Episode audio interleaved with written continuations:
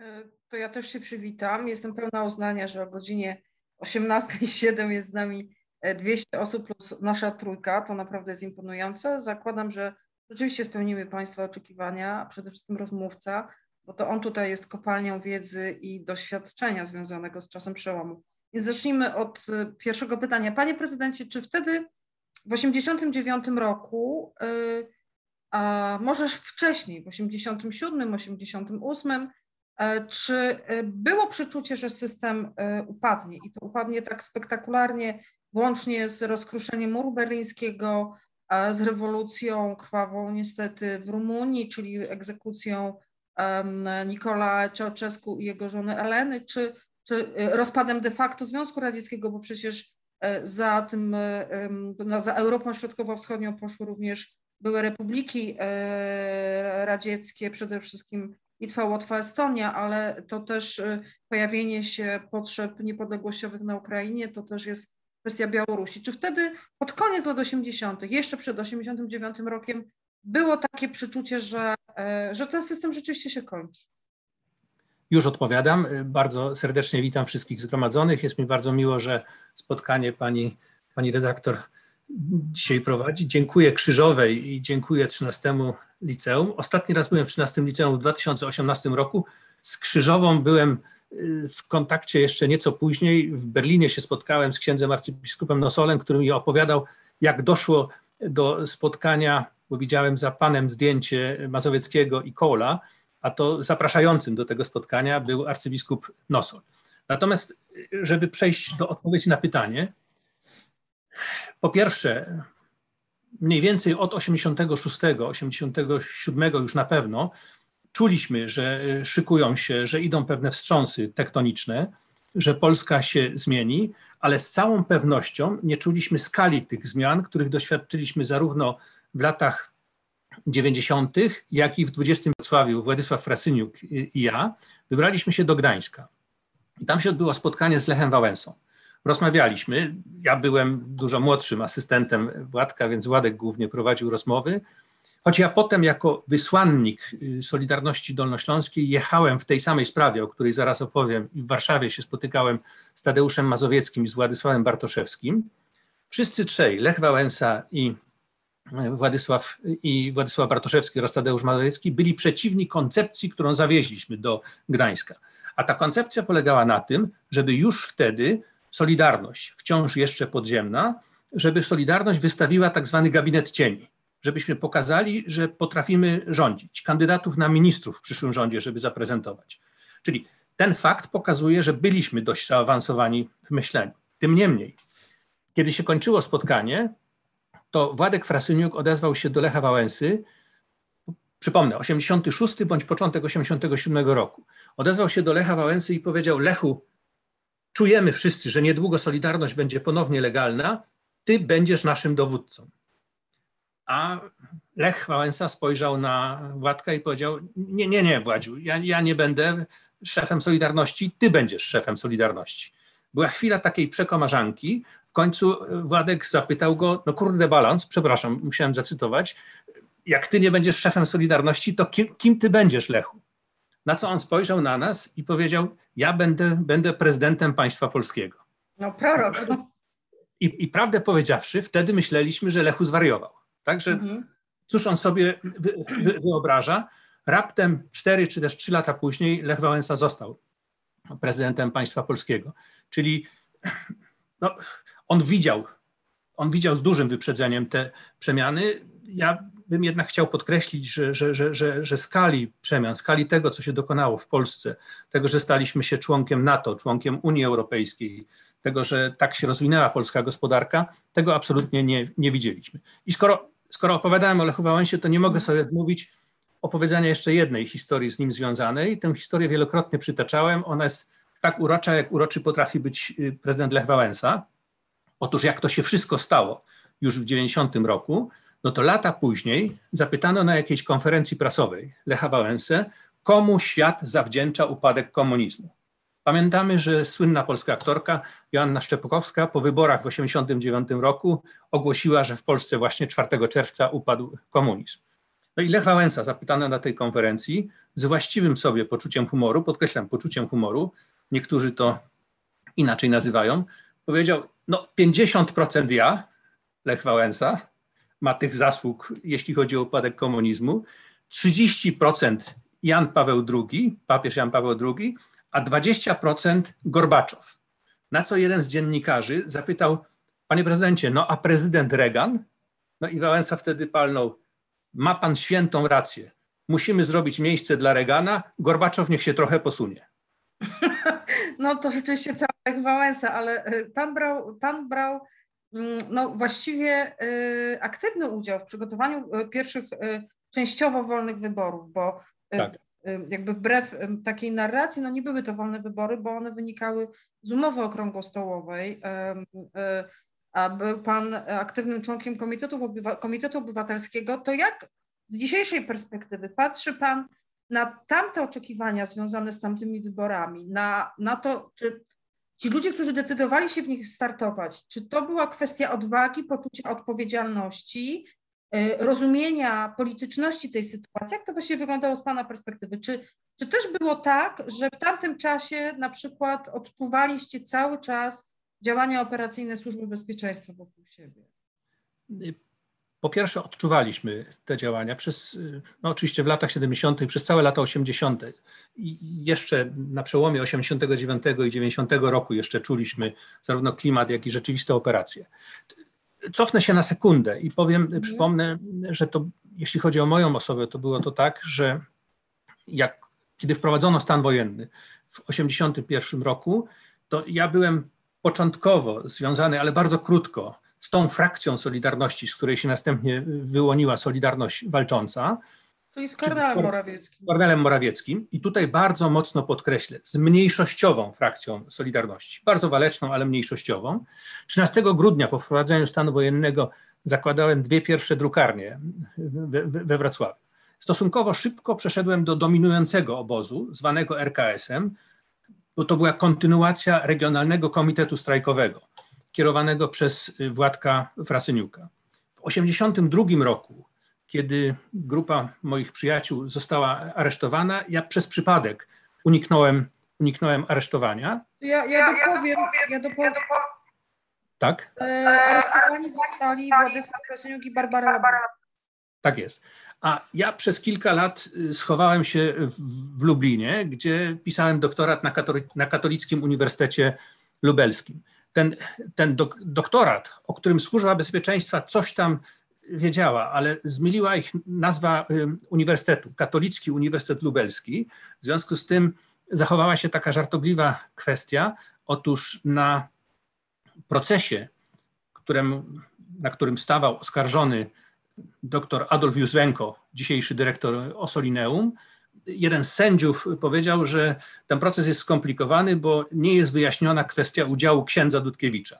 Im się coś pokręciło, oni mnie uznali za księdza. Ale ta, ta przyjaźń i ten, ta wspólna walka z początków stanu wojennego spowodowała, że w 1989 roku, kiedy w ślad za ogólnopolskim komitetem obywatelskim powoływano regionalne komitety obywatelskie i powstawał taki komitet obywatelski we Wrocławiu, to Szefem tego komitetu we Wrocławiu został przywoływany już przed chwilą dr Adolf Józwenko, choć wcześniej miał być profesor nieżyjący, profesor Mieczysław Zlat, ale, ale mnie tego odmówił. Ja zostałem jakby de facto zastępcą Dolka.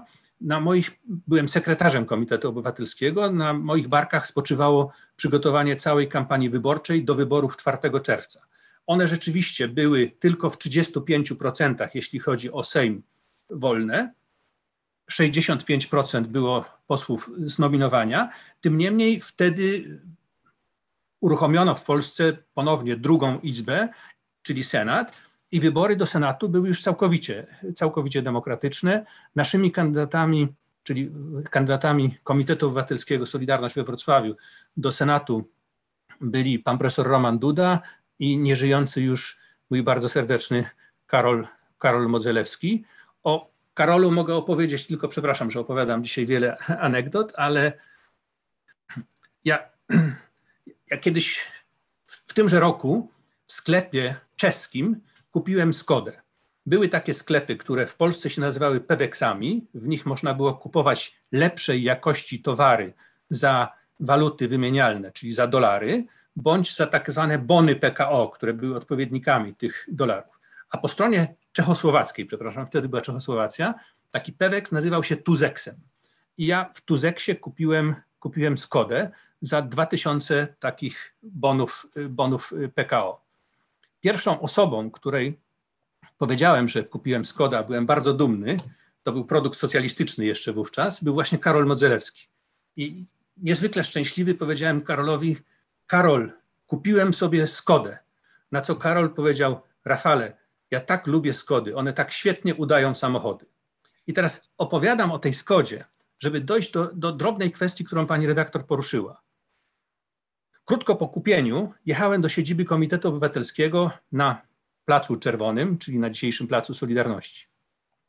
Uderzył we mnie samochód. Ja jechałem prawidłowo na zielonym świetle, furgonetka, furgonetka we mnie uderzyła. Milicjanci, którzy zjawili się na miejscu wypadku, poproszeni przez nas, zatrzymali moje prawo jazdy. Ja już wtedy byłem przewodniczącym Komitetu Obywatelskiego, bo to było już po wyborach czerwcowych, zbliżały się wybory samorządowe.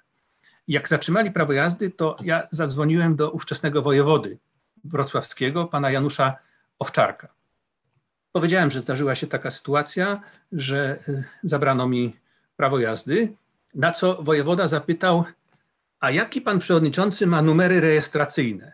Czy ostatnie dwie cyfry, nie pamiętam już dokładnie, ale czy ostatnie dwie cyfry to jest właśnie 00? Ja powiedziałem, nie, mam inną rejestrację. No widzi pan, bo jakby pan miał 00, to oni by wiedzieli, z kim mają do czynienia i by się zachowywali zupełnie, zupełnie inaczej. Czyli w tamtych czasach, które minęły gdzieś w roku 90, nawet po numerach rejestracyjnych milicjanci potrafili się zorientować, czy mają, czy mają do czynienia z przedstawicielem ówczesnych, ówczesnych władz, czy z, czy z kimś innym. Takim drobiazgiem staram się zilustrować atmosferę z lat poprzedzających rok 90. I teraz, żeby podsumować, w wyborach czerwcowych, czyli w 1989 roku byłem sekretarzem Komitetu Obywatelskiego. Następnie, kiedy się dowiedzieliśmy, że w Polsce będzie, dokona się wielka reforma i będą wprowadzone na nowo samorządy terytorialne, ja zostałem przewodniczącym y, Komitetu Obywatelskiego i prowadziłem, prowadziłem naszą organizację do wygranych wyborów w maju 1990 roku. O te wybory chciałabym Czemu takie, Czemu takie jest? O, o. Ja, ja, słyszę dobrze. Okej. Okay. okay. To, y, y, ja przepraszam bardzo, to chyba, to chyba wynika z tego, panie prezydencie, że pan ma włączony e, głośnik, e, więc gdyby pan na chwilę wyłączył mikrofon, a wtedy spróbujemy pani Kasiu, czy wtedy będzie ten głos. Okej. Okay. No, proszę. Mogę teraz? O, teraz nie ma. Y, mm, no, ładnych parę lat temu, wtedy, kiedy jeszcze Karol Modzelewski żył, udało mi się zrobić z nim rozmowę dotyczącą 89 roku, nie tylko zresztą, generalnie okresu przełomu i tego, jakiego rodzaju błędy popełniono już później w III Rzeczpospolitej. I mm, on mi opowiadał taką sytuację, kiedy on był jedynym senatorem y, solidarnościowym, który zagłosował przeciwko dwóm zapisom planu Balcerowicza. Między innymi chodziło o popiwek i chyba ustawę dotyczącą VAT-u, o ile mnie pamięć nie myli. I mm, przyjechał e, na zebranie z pracownikami jednej z, no, z większych fabryk we Wrocławiu wtedy. On nie był pewien, czy to był Hutman, czy to był Dolmel, no jakaś duża fabryka E, e, odbyło się bardzo duże zebranie, na którym była prawie cała załoga. E, i opowiadał, że on się wtedy po raz pierwszy zderzył z takim,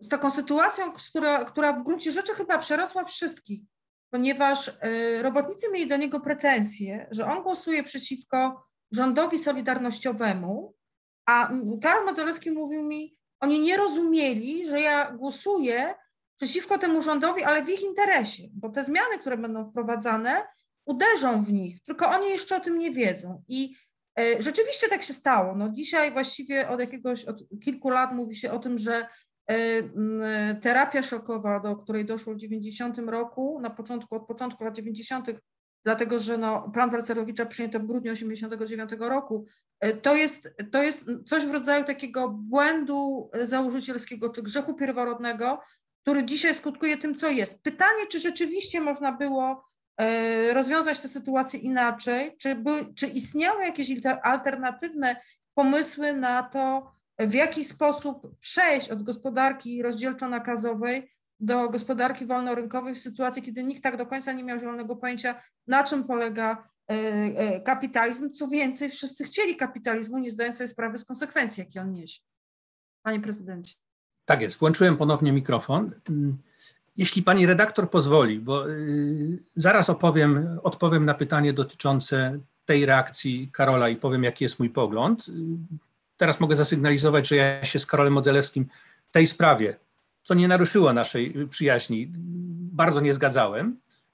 Trzeba przyznać, że Karol bardzo konsekwentnie prezentował swoje poglądy.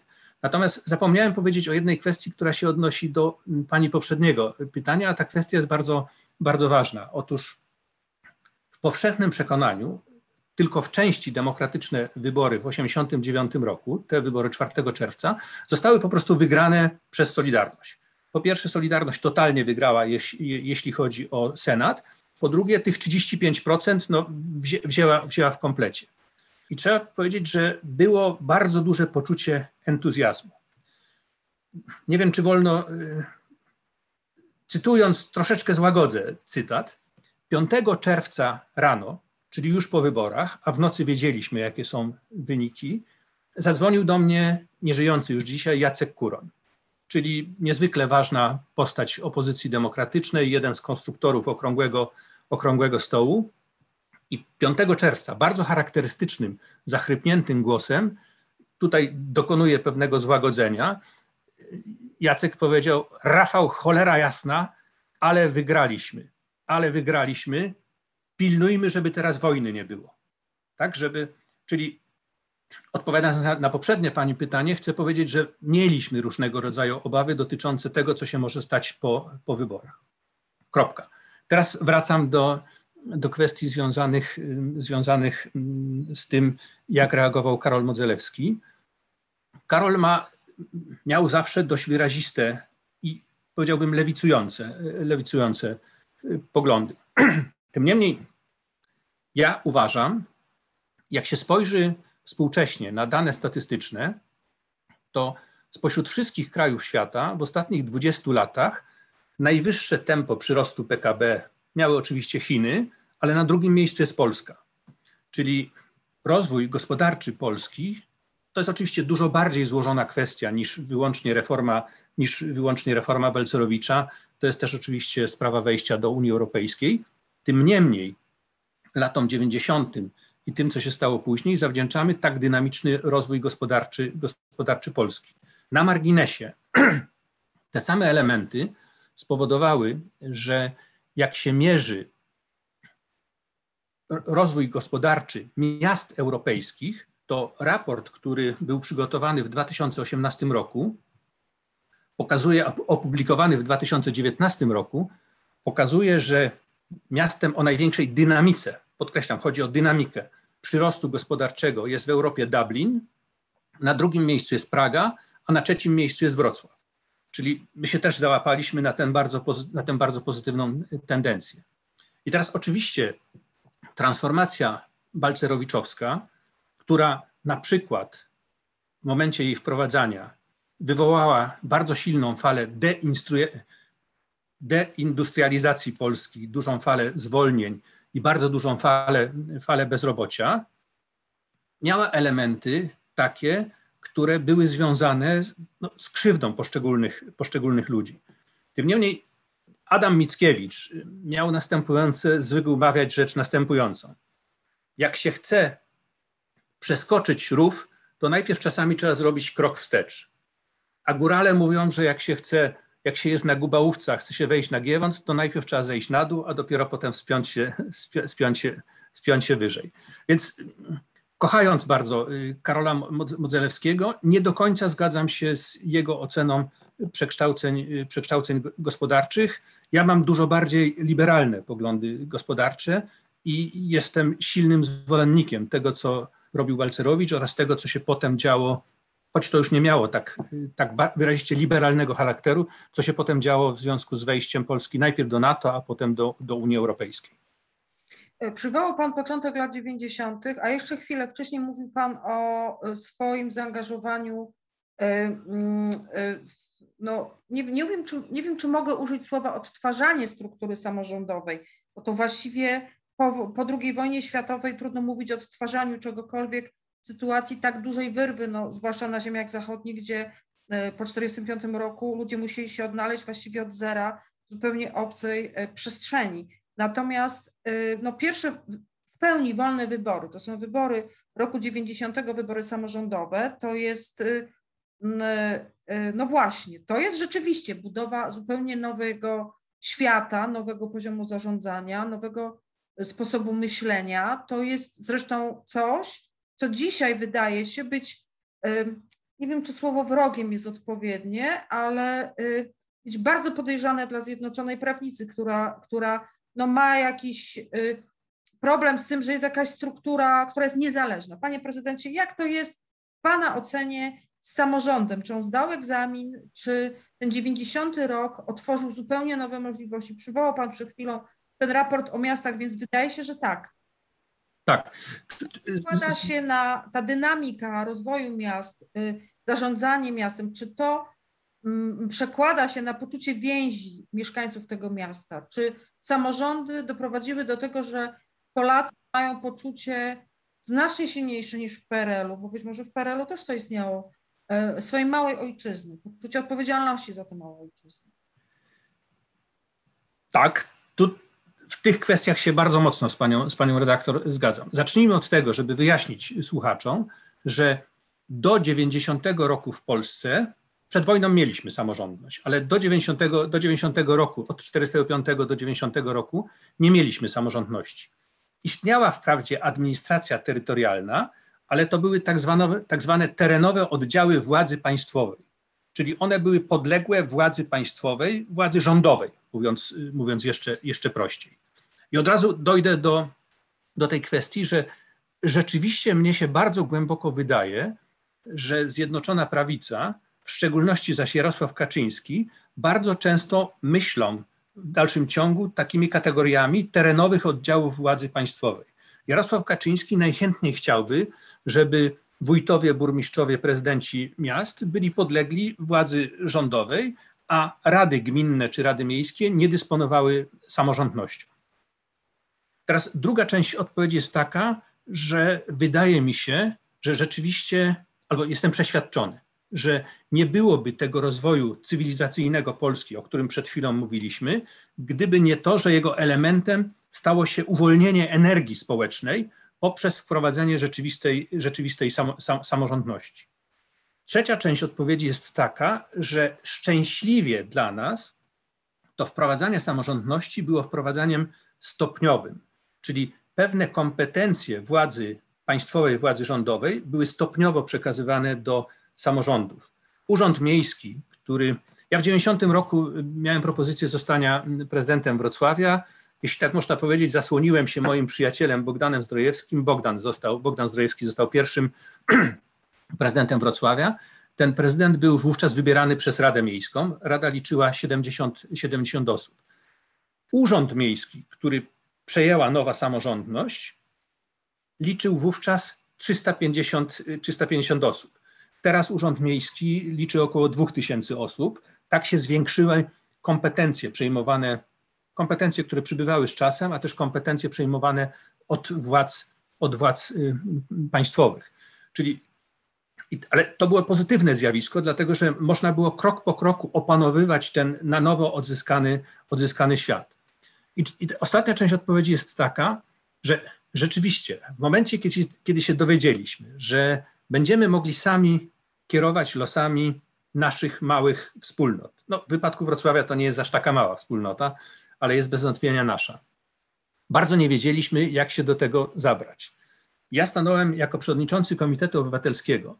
Wiedzieliśmy, że w jakimś procencie wygramy wybory majowe. Nie wiedzieliśmy, że wygramy je tak zdecydowanie. My wprowadziliśmy do Rady Miejskiej na jej 70 członków 67 osób, czyli w sposób, to jeszcze była jakby ta fala rewolucji Solidarności. Ale wiedząc, że wygramy, ja starałem się tak kierować doborem kandydatów do Rady Miejskiej, żebyśmy mogli znaleźć różne kompetencje, różne umiejętności w tym składzie Rady, który po wyborach będzie wyłoniony.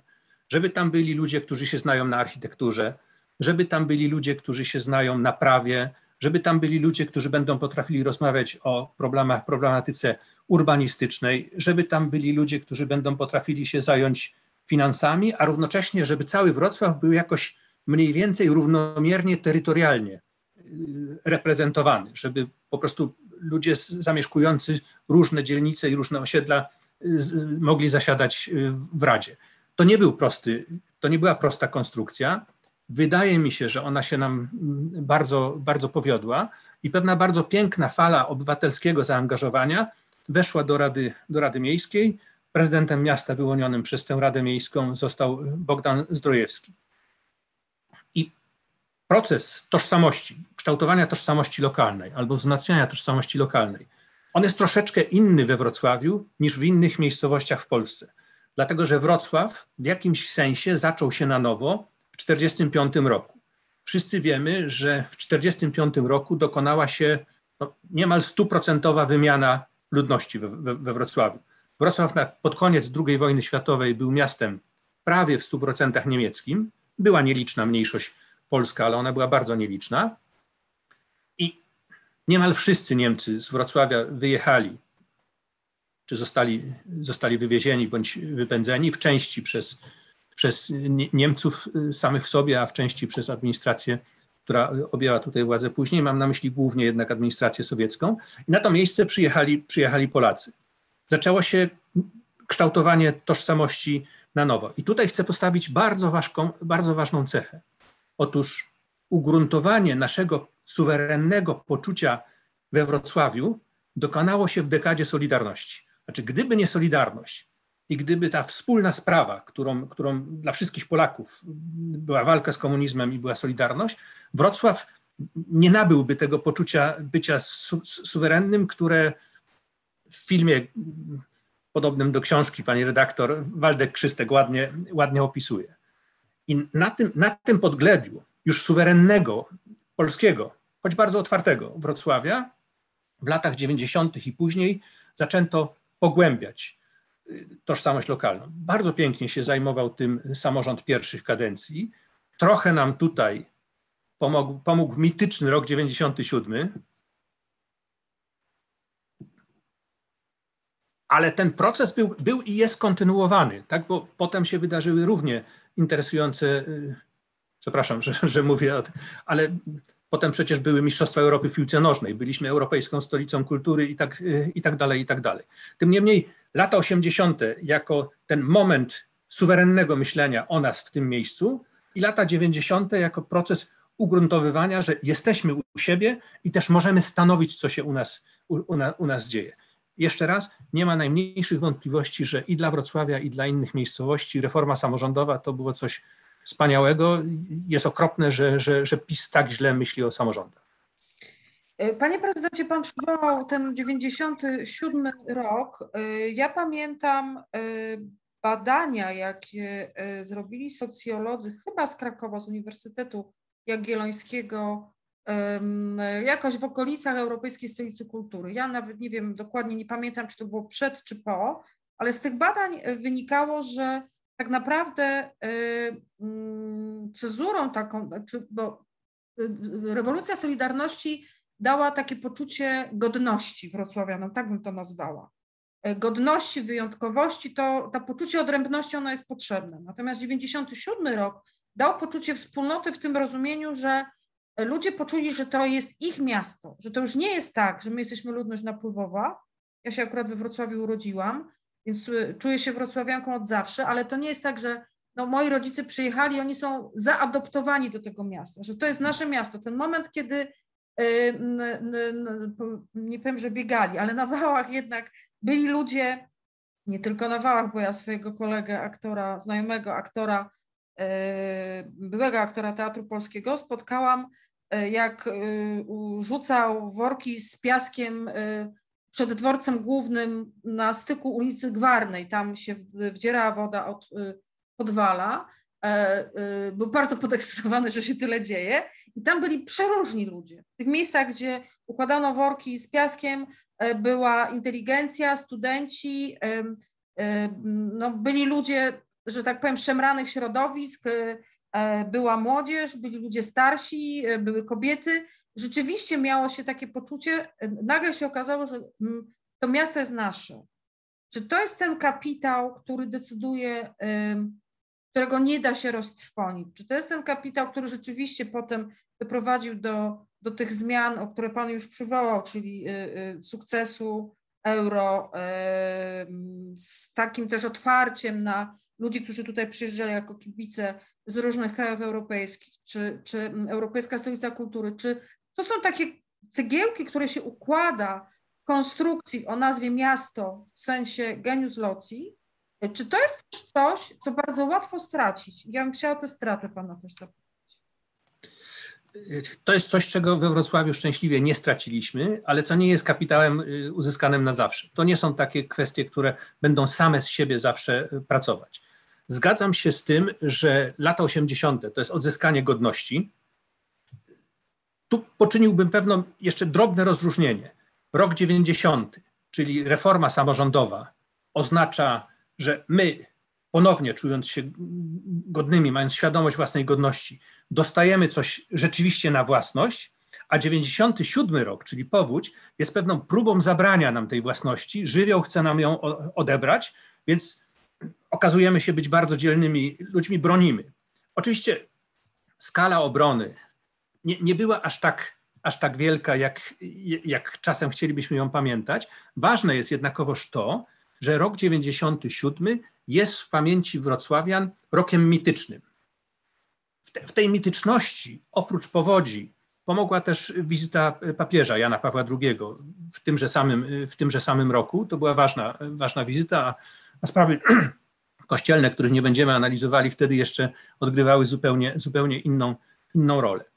Ale potem dokonują się jeszcze inne rzeczy. Otóż, kiedy ja kandydowałem w pierwszych bezpośrednich wyborach w 2002 roku, to robiliśmy bardzo, bardzo dokładne badania, czego oczekują wrocławianie.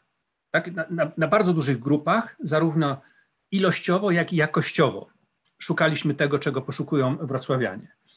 W 2002 roku wrocławianie chcieli pracy, ponieważ było bardzo wysokie bezrobocie. Wrocławianie chcieli rozbudowy układu komunikacyjnego oraz chcieli prestiżu i to prestiżu międzynarodowego. To jest bardzo ciekawe, prawda, że po tym, jak poczuliśmy się godni, jak poczuliśmy się u siebie, jak obroniliśmy swoje, swoje miasto przed żywiołem, to zapragnęliśmy prestiżu i to głównie prestiżu międzynarodowego. To było niezwykle wyraziście, wyraziście arty, artykułowane. No i moim zdaniem różne sploty okoliczności, pomoc czynników zewnętrznych, trochę, trochę, trochę naszej, albo dużo bardzo naszej pracy spowodowały, że że już w XXI wieku właśnie poszliśmy w tym kierunku. Ja przypomnę, że obok tego wszystkiego no, stało się coś zupełnie, czego też sobie nigdy nie wyobrażaliśmy. Mianowicie Wrocław, będąc miastem bardzo polskim, stał się równocześnie miastem bardzo europejskim i stał się miastem międzynarodowym. Aglomeracja wrocławska liczy około miliona mieszkańców w 2018 roku. Teraz nie znam wyników, może pandemia je trochę zakłóciła, ale w 2018 roku w aglomeracji wrocławskiej mieszkało 200 tysięcy obcokrajowców. Połowa z nich to obywatele Ukrainy, Ukrainy, ale druga połowa to Hiszpanie, Koreańczycy, Włosi, obywatele 124 krajów, krajów świata. Więc tym dodatkowym elementem, który jak sądzę, został też w części ufundowany na tym, że my nie jesteśmy całkowicie wolni od ksenofobii, ale wydaje mi się, że jesteśmy nieco bardziej otwartym społeczeństwem niż społeczeństwa takie no, historycznie bardziej ugruntowane, tak? czyli jak, nie wiem, Kraków, Poznań. To spowodowało, że ten proces umiędzynarodowienia i otwarcia na sprawy na sprawy obcych we Wrocławiu stosunkowo dobrze, dobrze, dobrze przebiega. Czyli idziemy od, to jest bardzo ciekawe, tak, bo idziemy od godności przez odzyskanie wolności, sprawowanie jakby suwerenność u siebie, obronę tej suwerenności, no i potem ku prestiżowi, ku, ku funkcjonowaniu w przestrzeni europejskiej. No, można powiedzieć, że jak się nie ma kompleksów, to wtedy można być otwartym na innych, bo jest się, nie człowiek nie czuje się gorszy, bo chyba to jest główny klucz y, y, y, do ksenofobii tak naprawdę. Ona wynika z lęku, ze strachu, z poczucia bycia gorszym, e, z porównywania się z innym, który być może jest lepszy, więc na pewno trzeba go odrzucić. E, jakby, mm, nie, nie wiem zresztą, czy Poznań tu jest dobrym przykładem. Myślę sobie, że szybciej, szybciej takie mniejsze miasta, gdzie tego obcego w cudzysłowie nie widać. E, Poznań był jednak dużym miastem jeszcze w okresie zaborów. No w gruncie rzeczy było tam dużo Niemców, dużo Żydów, więc to tak różnie, ale, ale pan jest wielkopolski, więc może pan wie lepiej. Panie prezydencie, te 30 ponad lat Polski od 89-90 roku, z Pana perspektywy prezydenta dużego europejskiego miasta, na pewno dużego polskiego miasta, z ambicjami, ale też człowieka zaangażowanego w opozycję solidarnościową, czy to jest czas wygrany, czy to jest czas e, wymagający redefinicji i e, nie wiem, jakiegoś rozliczenia, czy to jest e, czas który należałoby zanalizować pod tym kątem, co takiego się wydarzyło, że dzisiaj jest tak, jak jest. Czy, czy popełniono jakieś błędy, których można byłoby uniknąć, czy można ich uniknąć w przyszłości? Odpowiadam. Zacznę od tego, że na sekundę wracając do tego, o czym pani, pani opowiadała, y, czyli do wcześniejszych kwestii, nie jest przypadkiem, jak sądzę, że najsilniejszymi miastami Solidarności w Polsce były Wrocław i Gdańsk. To nie jest moim zdaniem kwestia, kwestia przypadkowa, a tak naprawdę było. Solidarność zrodziła się w Gdańsku, ale jeśli chodzi o stan wojenny, to moim zdaniem Wrocław był najsilniejszy, najsilniej stał, stał Solidarnością. Teraz mm, trzeba powiedzieć tak, 30 lat.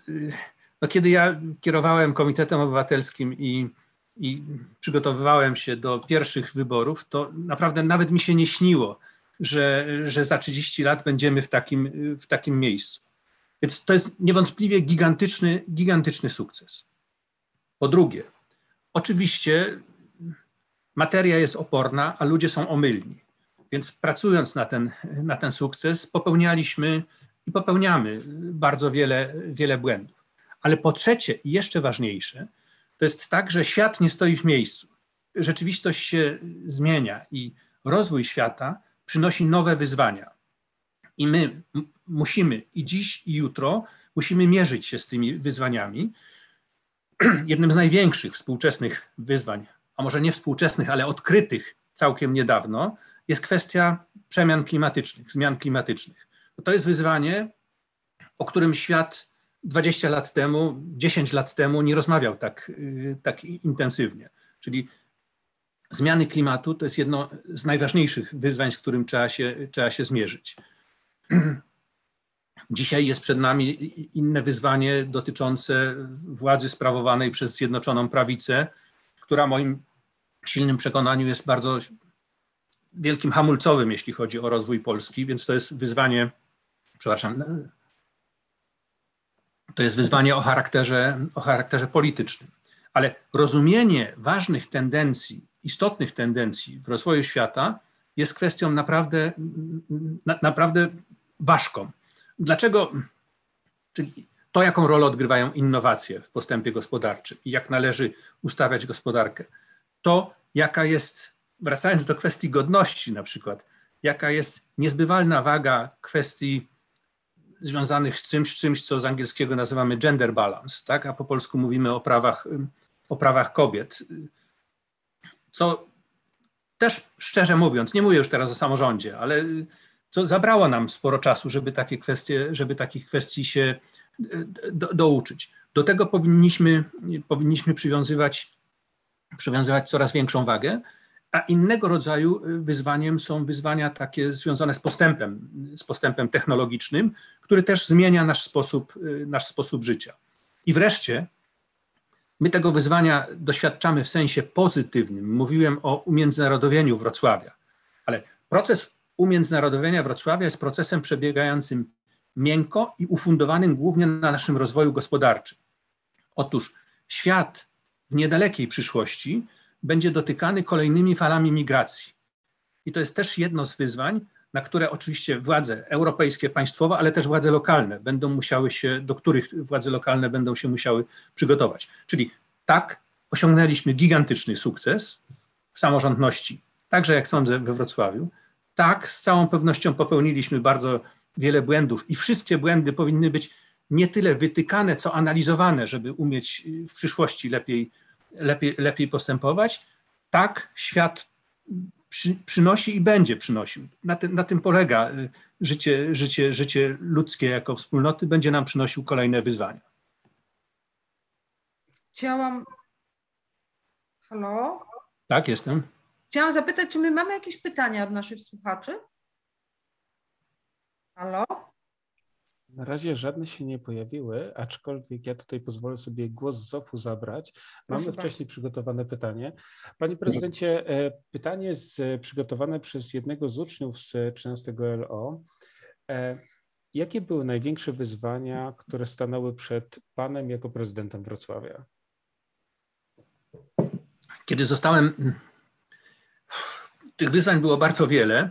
Trochę o tym mówiłem, że wtedy bezrobocie było bardzo wysokie. W 2002-2003 roku ono w pewnym momencie sięgnęło prawie 14%, czyli 14% z grupy aktywnych zawodowo pozostawało bez pracy. To było jedno z wielkich wyzwań.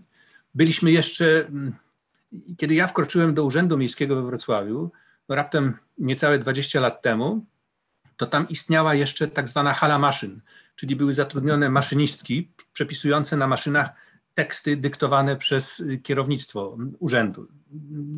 To trzeba było błyskawicznie zinformatyzować. Jednym z bardzo ciekawych wyzwań, z którymi się spotkałem, było wyzwanie nieoczekiwane, które skądinąd uważam za jeden z największych moich sukcesów, czy też sukcesów Wrocławia w okresie, kiedy byłem prezydentem miasta.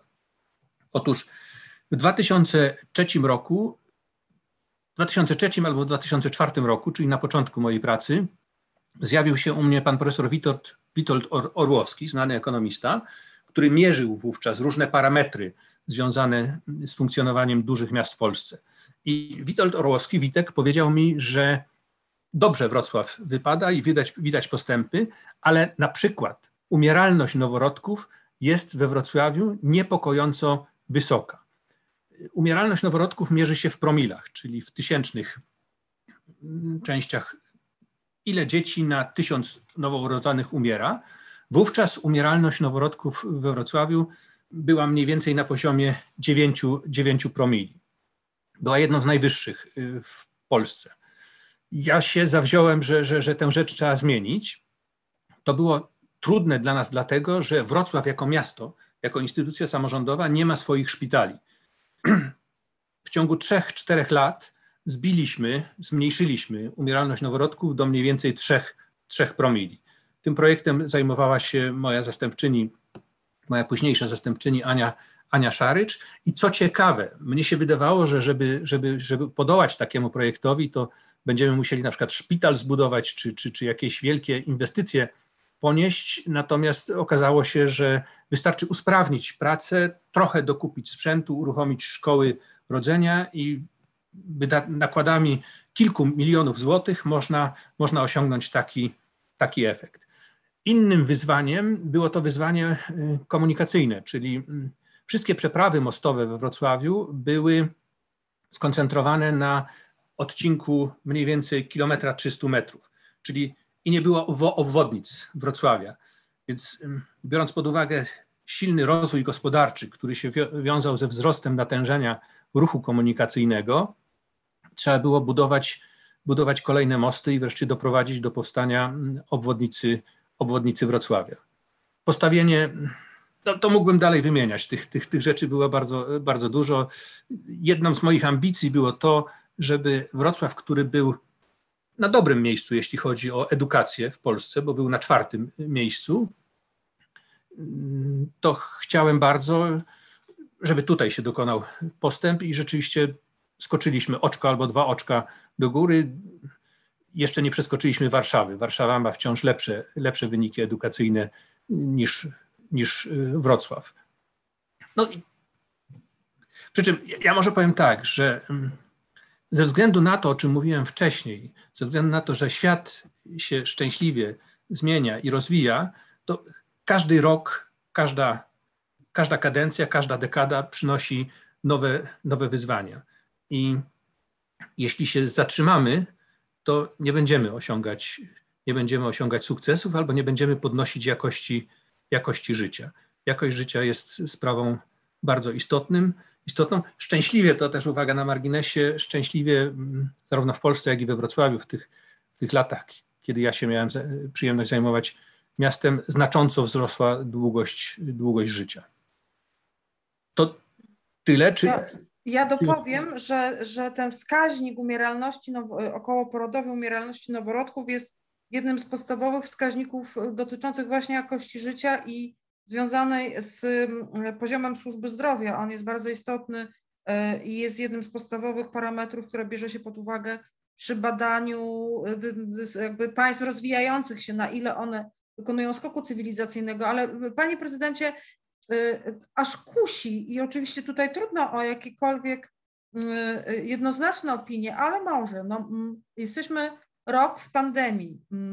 E, I to jest sytuacja, która nie pozostanie bez wpływu na bardzo wiele obszarów, również na przykład na obszar edukacji. No, słuchają nas w ogromnej mierze uczniowie, którzy no, słuchają nas zdalnie, wirtualnie. Nie, nie, nie siedzimy z nimi w jakiejś auli, że możemy sobie spojrzeć w twarz. To jest widomy znak tego, co się dzieje. I e, w przyszłym tygodniu jest matura, gdzie no, zdaje się, że obniżono chyba trochę wymagania ze względu na czas pandemiczny. Ja bym chciała, żeby Pan pokusił się może e, o taką, taką mm, jakąś prognozę e, e, kluczowych obszarów, które rzeczywiście zmieni pandemia, czy w zarządzaniu, czy w edukacji, czy, czy w finansach, czy w gospodarce. Czy to jest doświadczenie, które przeorze nas w sposób totalny, czy za chwilę, jak to się jakoś może zmieni, zapomnimy o tym bardzo szybko? Zacznę od kwestii związanych ze służbą zdrowia, dlatego że my wprawdzie nie najgorzej wypadamy, jeżeli chodzi o kwestie związane ze szczepieniami. I szczęśliwie ostatnia fala, jeśli chodzi o liczbę zakażeń, opada.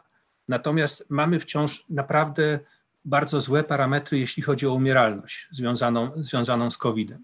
To pokazuje, że polska służba zdrowia, która no jest po prostu w tym elemencie opieki zdrowotnej słaba. My mamy niemal dwa razy mniej lekarzy na 10 tysięcy mieszkańców niż Republika Federalna Niemiec. I to jest problem, z którym naprawdę trzeba się będzie, trzeba się będzie uporać.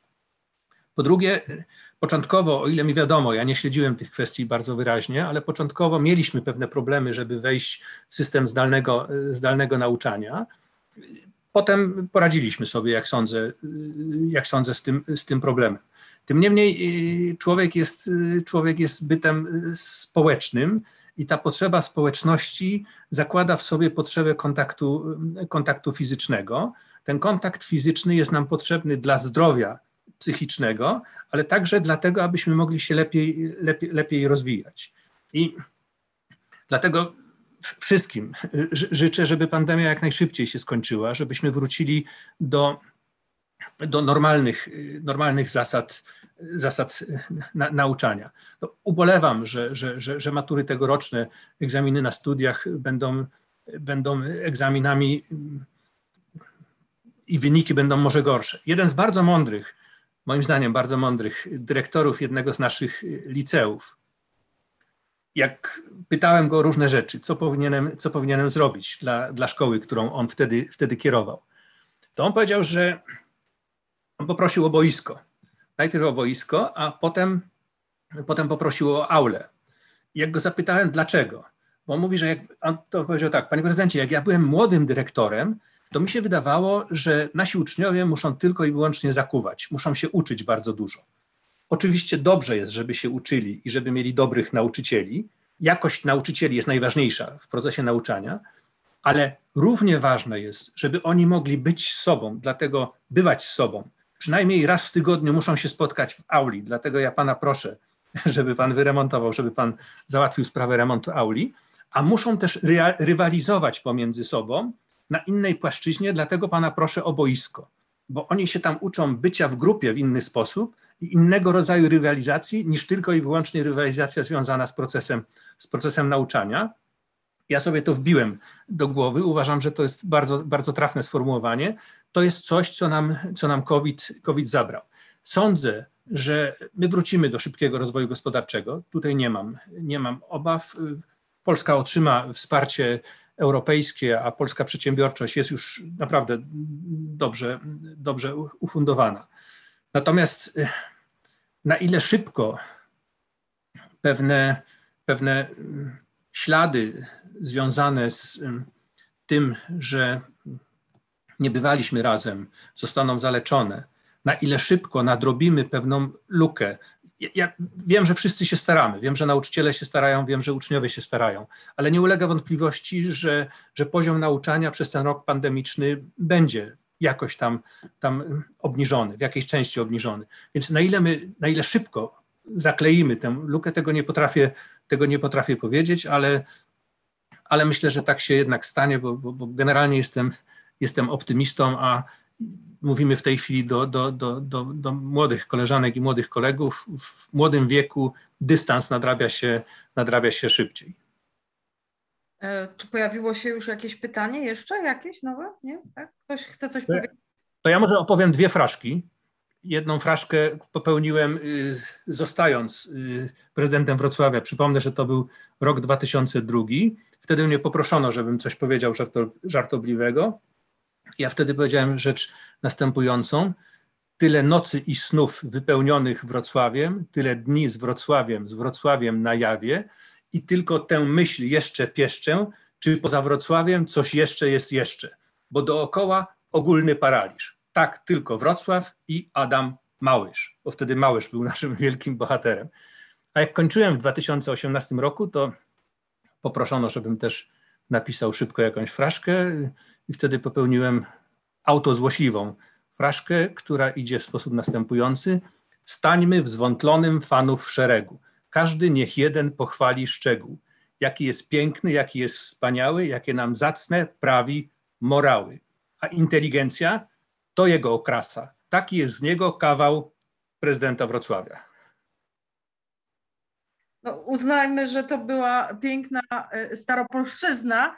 E, panie prezydencie, e, chciałam panu bardzo podziękować za to, za to spotkanie, bo myślę, że, że nie tylko dla mnie jest ono, było ono ciekawe i dało wiele wiadomości. Zakładam, że tej młodzieży szkolnej, której my nie widzimy, ale która nas słyszy i widzi, również ono dało dużo, zwłaszcza w kontekście tej ewolucji od godności e, aż do prestiżu. E, I teraz wszystko w Waszych rękach, tak to Wszystko w Waszych rękach, przyszłość Wrocławia i świata w Waszych rękach, a jak już wrócicie do szkoły albo na zajęciach zdalnych, proszę, żebyście, żebyście Państwo, żebyście zechcieli pozdrowić. Pani dyrektor Spałka była zawsze moją ukochaną panią dyrektor. To wszystkiego najlepszego dla wszystkich licealistów, wszystkich nauczycieli, profesorów i dla pani dyrektor.